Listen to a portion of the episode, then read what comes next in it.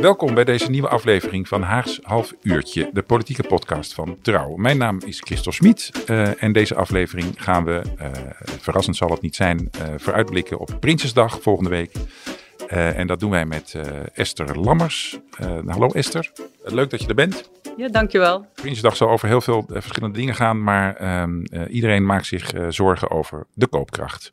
Uh, hebben we nog genoeg geld om onze energierekening te betalen? Kunnen we nog wel op vakantie? Uh, kunnen we überhaupt nog wel genoeg eten kopen? Al dat soort vragen spoken uh, door heel veel mensen door het hoofd.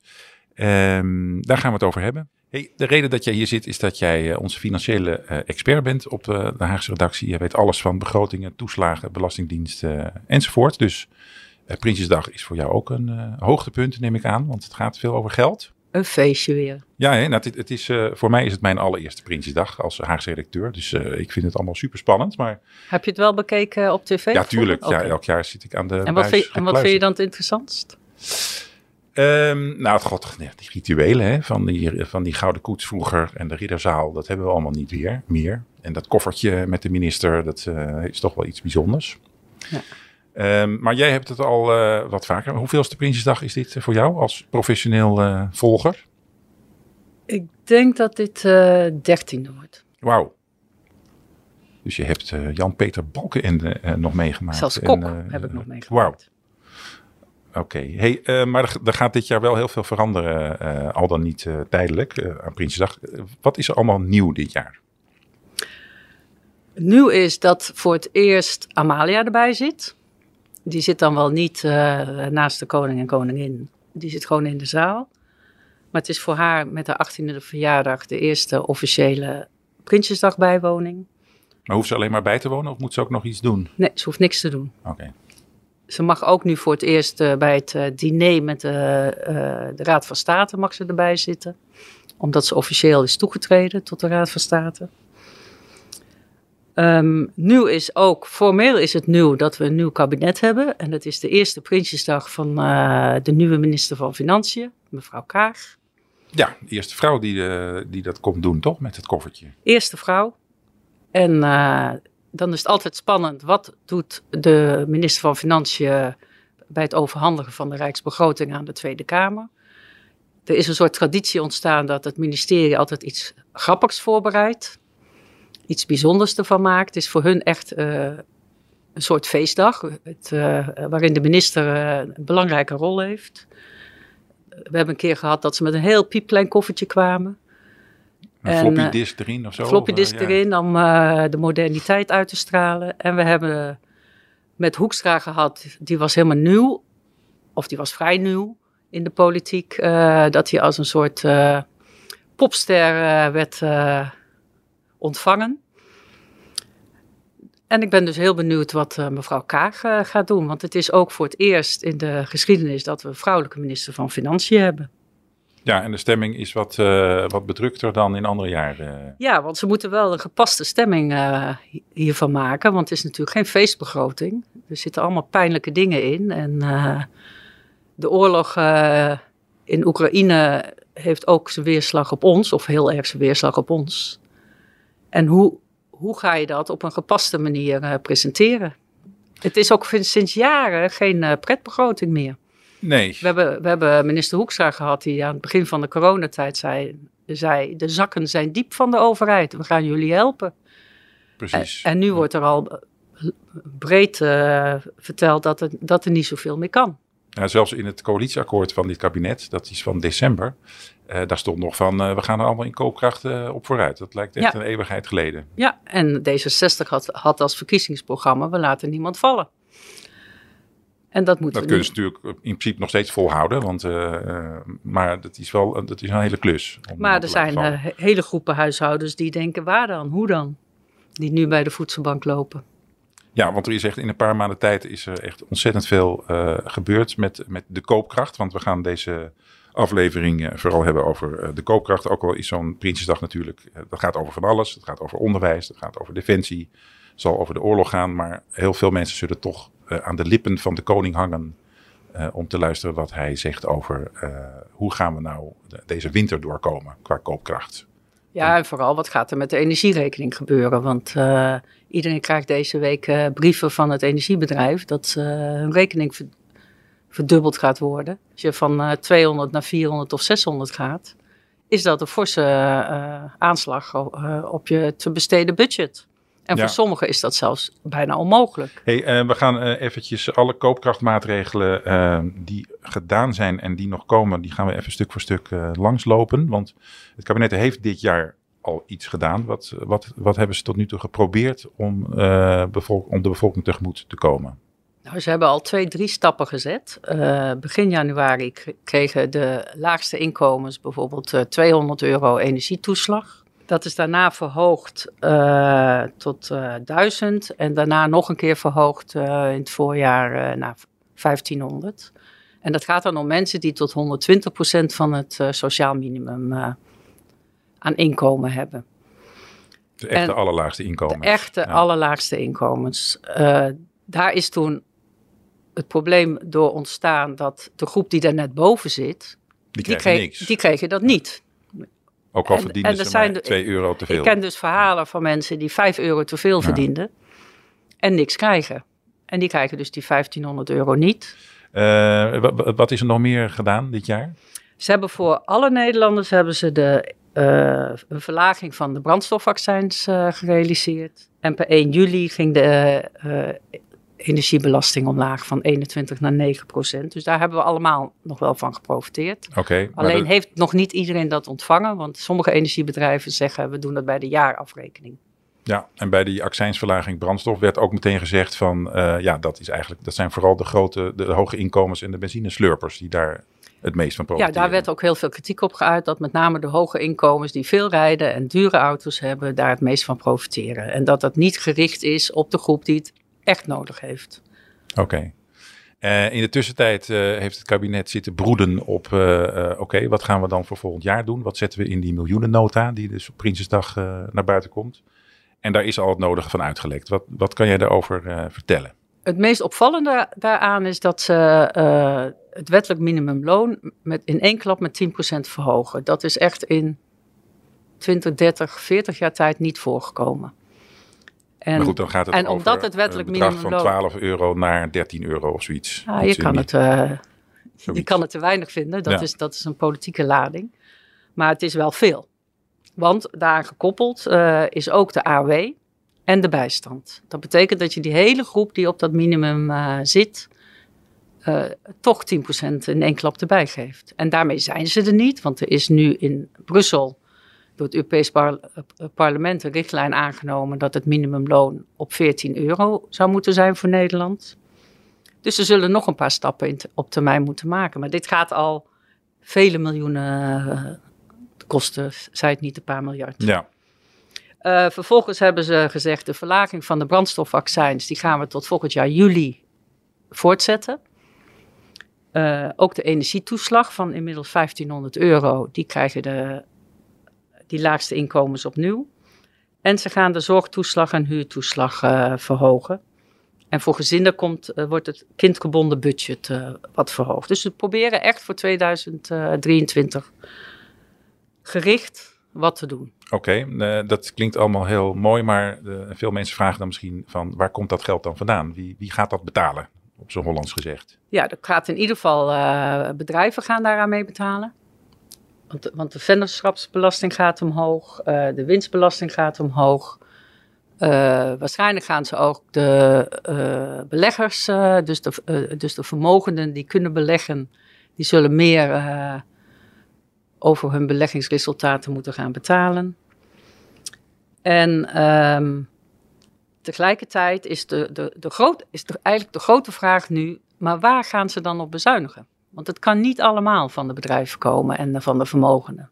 Daarvoor is het pakket te groot. En, en, dat, en dat er wordt bezuinigd, geven ze toe. Maar waar, weet nog niemand. En dat, uh, dat houden ze nog even vast tot uh, Prinsjesdag. Dat mogen we dan op Prinsjesdag. Ja, ja want de, de, leuke dingen worden dan gelekt van tevoren. Maar ja, de... zo gaat dat in Den Haag. Hmm, Oké, dus het wordt misschien dinsdag nog wel somberder dan, uh, dan wel van tevoren. Het wordt dinsdag. Ja. Hey, um, als je even kijkt naar wat, die, wat de ministers en de, en de premier Rutte, wat die uitstralen de laatste maanden. Zijn zij genoeg zichtbaar volgens jouw uh, waarneming? Ze hebben natuurlijk een lange zomervakantie gehad, maar de crisis is groot. Ja, wat, wat iedereen het meest prangt hier in Den Haag is waarom ze sinds april zo'n beetje zeggen: wij gaan niks meer extra doen. Wacht maar tot augustus en Prinsjesdag, dan gaan we weer wat doen. En nu lijkt het, is augustus voorbij, de cijfers zijn slechter geworden in plaats van beter.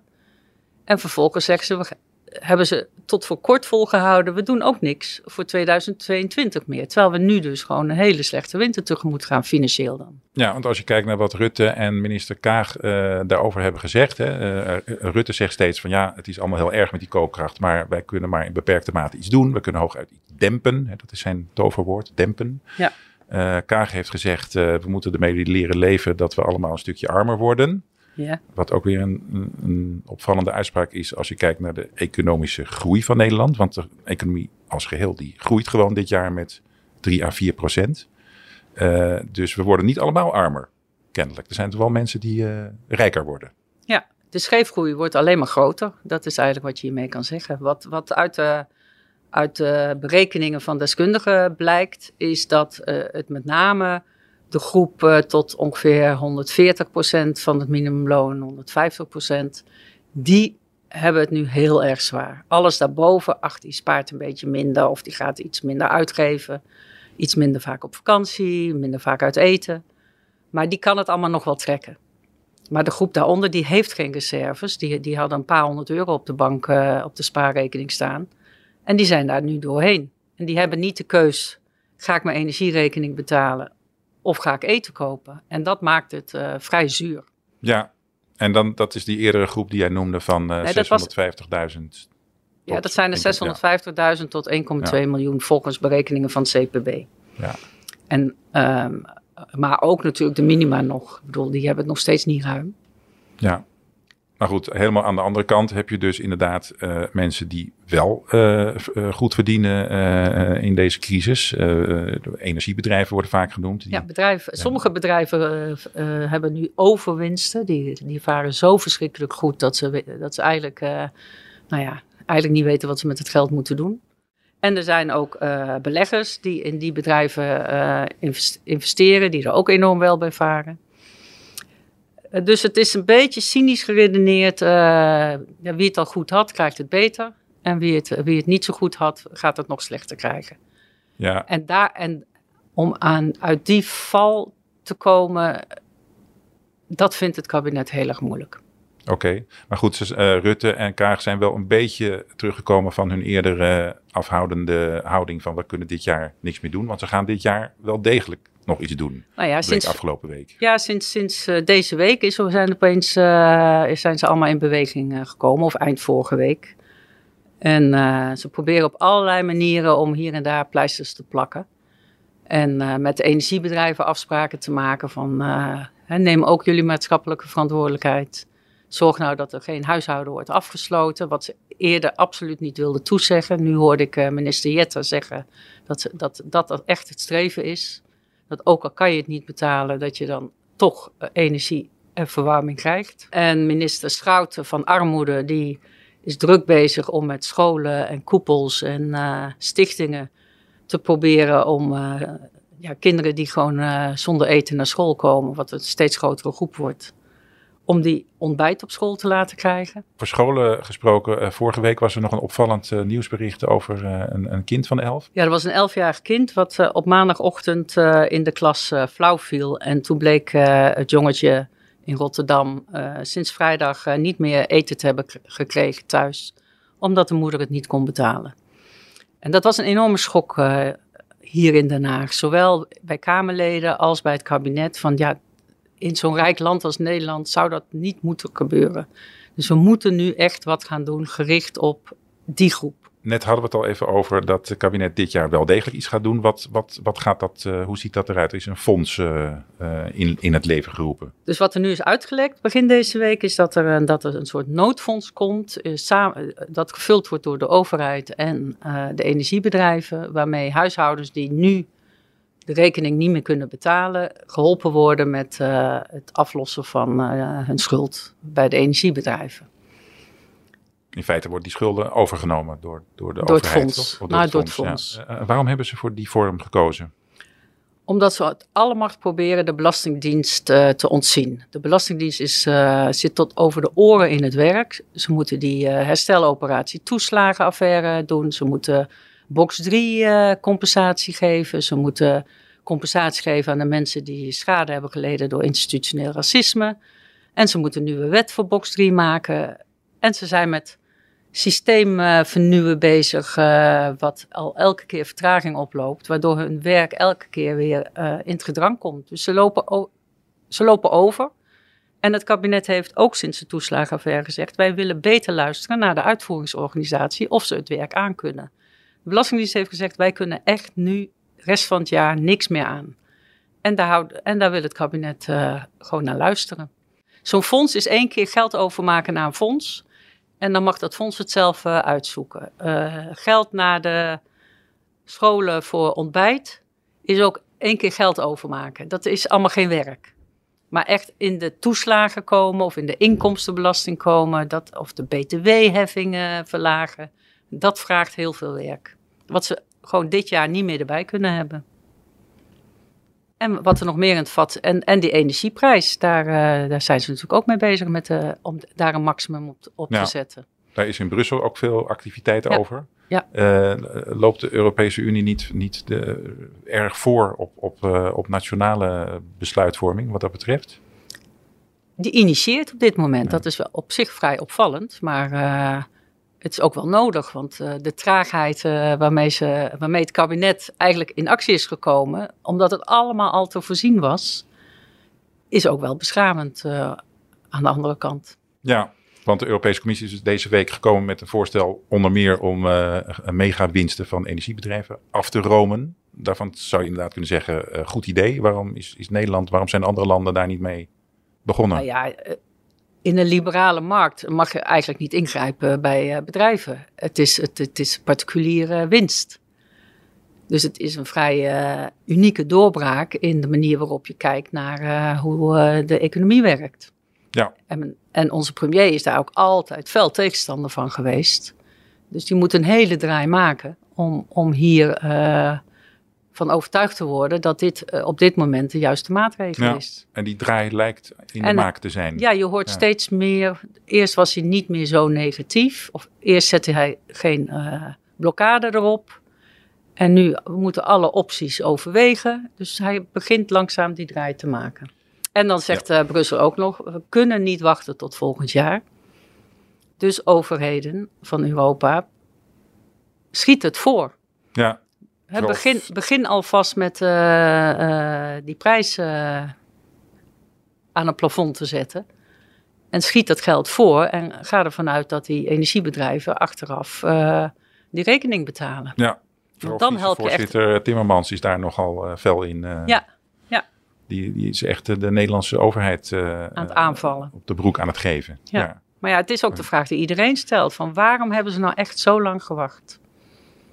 Heb jij daar een verklaring voor? Ik denk dat ze er toch op gegokt hadden dat eh, enerzijds de energieopslagvelden eh, in augustus eh, zodanig gevuld waren dat de prijs al ging zakken. Dus dat het pakket op zich voldoende zou zijn. En dat daardoor de inflatie weer een beetje zou gaan dalen. Dat had dat CPB ook wel een beetje voorspeld. Dus dat, hè, dat dan de urgentie minder hoog zou zijn. Maar precies het omgekeerde gebeurde, want Poetin ging nog eens een, een stap eh, verder. En de prijzen zijn- zijn nu eh, nog verder gestegen. Ja, ook al zijn ze nu juist weer iets gedaald omdat die opslagen eh, vol Ja, zitten. maar of en, dat eh, stand houdt, of dat Poetin weer iets anders, eh, eh, de president van eh, Rusland. Ja, ja, die kennen we wel. Oké, eh, Esther. De oppositie heeft natuurlijk de afgelopen tijd ook niet stilgezeten. Wat, wat hebben zij eerder geprobeerd om te veranderen aan het beleid? Nou, de oppositie is al vanaf februari zo'n beetje aan het roepen van ga nu wat meer doen voor de specifieke groep die het zwaar krijgt. En, en daar heeft het kabinet eerst van februari tot juni zo'n beetje gezegd, wacht maar af, wij komen nog wel met wat. Het is nu niet nodig, maar later komen we met wat. In juni was dan eh, de voorjaarsnota.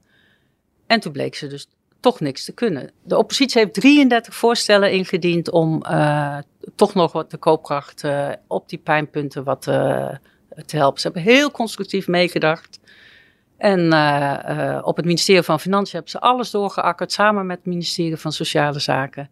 En alle voorstellen werden afgewezen. noem eens één of twee concrete voorstellen. Nou, bijvoorbeeld de zorgtoeslag of de huurtoeslag nu al verhogen, zodat mensen wat eh, die, die lagere inkomens alweer wat extra geld krijgen. Maar dat zou betekenen dat uh, alles opnieuw beoordeeld moest worden. Dat het, en dat een groep dan ook volgend jaar in de problemen zou komen die toch te veel inkomen zou hebben en het weer zou moeten terugbetalen. Dat, het, dat de uitbetaling van die toeslagen in het gedrang zou komen. Dus het was allemaal paniek. Dat zou echt niet realiseren zijn. Nu gaan ze het wel voor volgend jaar doen, maar dan kunnen ze het inplannen. Maar dat maakt ook dat de oppositie best gefrustreerd is. Van Wilders uh, tot Marijnissen. Van waarom hebben jullie niet iets meer geluisterd naar ons? Terwijl dat ook de kern was van dit kabinet en de zogeheten nieuwe bestuurscultuur. Precies, ze zouden het samen doen, maar ze doen het helemaal niet samen. En, en, ze, en uh, zeg maar, uh, Rutte heeft ook steeds gezegd in de afgelopen maanden dat ze de urgentie niet zagen. Dus ook het gevoel niet binnenkwam bij het kabinet dat het echt noodzakelijk was.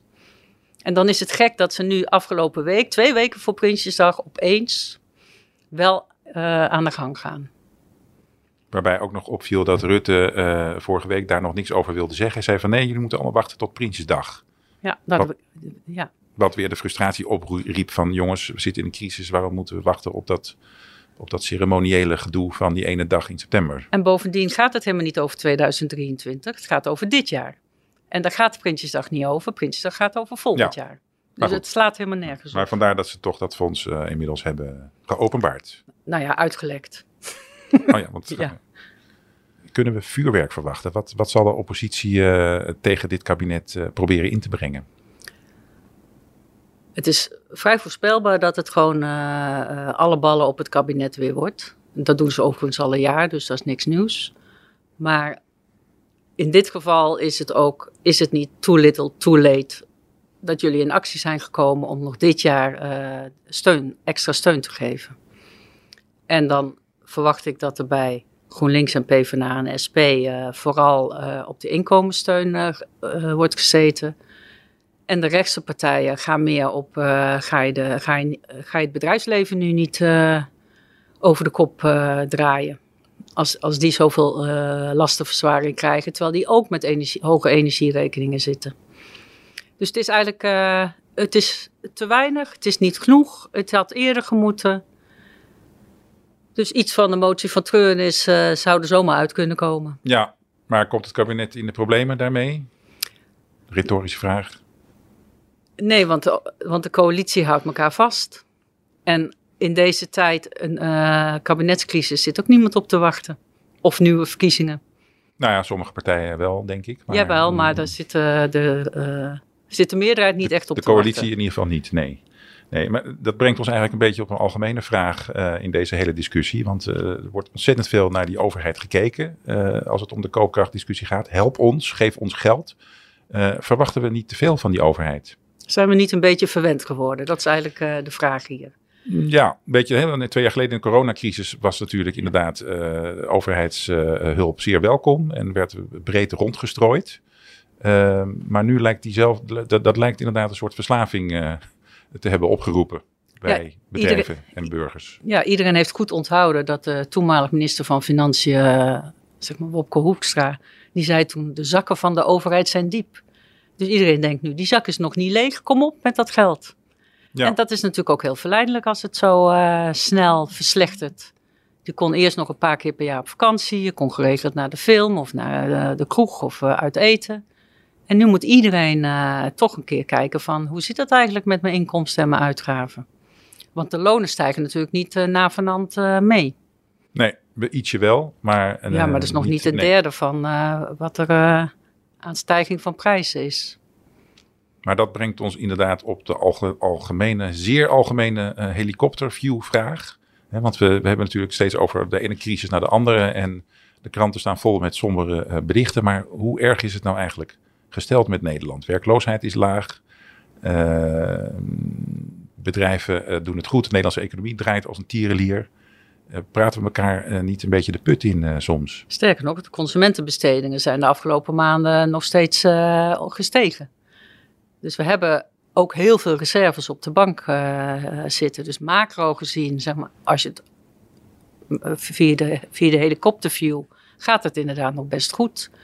De pijn wordt vooral gedragen door de lagere inkomens. Dat is inmiddels volstrekt duidelijk. De hogere inkomens hebben nog voldoende spaargeld. Die teren daar een beetje op in, of ze gaan een vakantie minder doen. Maar de lage inkomens tot de lage middeninkomens, hè, tot 140, 50 procent van het minimumloon, die hebben maar een paar honderd euro op hun spaarbank staan. En dat geld is inmiddels al uh, uitgegeven. Dus hoe moeten zij in hemelsnaam winter met zulke stijgende kosten doorkomen? En daar zit een probleem, omdat de overheid, de gemeenten hebben eigenlijk alleen maar zicht op mensen tot 120 procent van het sociaal minimum. Daar hebben ze allemaal bijzondere bijstand voor, allemaal regelingen. Maar de groep daarboven, dat zijn eigenlijk de werkende armen. Ja, die zitten niet bij de gemeente. Dus die, ja, die kent niemand. Die weet de Belastingdienst ook niet wie dat zijn. Dat weet, dat weet eigenlijk niemand. En die mensen zouden zich dus moeten aanmelden, maar die doen dat niet. Dus die, gaan, uh, dus die komen pas in beeld als ze zodanig in de schulden zitten dat ze, dat ze ja, aan de schuldsanering moeten. Mm En dan is het eigenlijk al te laat en je wil eigenlijk daarvoor die mensen helpen. En Ja. ze hebben daar jarenlang geen beeld van gehad en ze weten niet hoe ze dat nu snel moeten realiseren. Maar goed, als ik eventjes een afgerondende conclusie eh, mag trekken eh, als voorbeschouwing op deze Prinsjesdag. Eh, ja, eh, sommige mensen hebben het eh, heel zwaar en hebben het over een grote groep.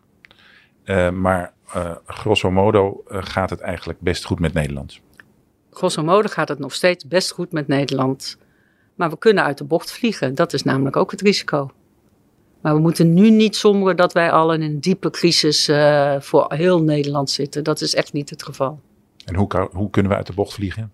Wat kan er misgaan? Nou, als die oorlog nog veel sterker wordt, als het, lang, als het, als het echt een jaar gaat duren, nog een jaar gaat duren. Ja, op een gegeven moment zijn ook de zakken van de overheid natuurlijk leeg. Ja, nou ja, ik denk dat dit een eh, positieve. eh, En de eh, spaargelden zijn opgemaakt ook van de hogere inkomens. Of de middeninkomens. maar goed, dat, dat is nu nog niet aan de orde. Nee, daar zijn we nog niet. Zullen we het ophouden dat dit een positief einde is met een beetje zwart randje voor heel veel mensen? Eh, zoiets. Zoiets, hè? Gaan we zo Prinsjesdag in. Dankjewel Dat Esther lijkt me goed. voor deze ontnuchterende, nee het is niet ontnuchterend, het is een, eh, een heldere analyse. We gaan er eh, tegenaan op Prinsjesdag. Dankjewel. Graag gedaan. Tot zover deze speciale Prinsjesdag aflevering van Haags Half Uurtje, de politieke podcast van Trouw. Mijn naam is Christel Smit. Deze podcast wordt gemaakt door Hanna van der Wurf en Joris Belgers. Eh, en als u nou eh, nog meer podcasts wilt horen van Trouw, ga dan naar www.trouw.nl slash podcast.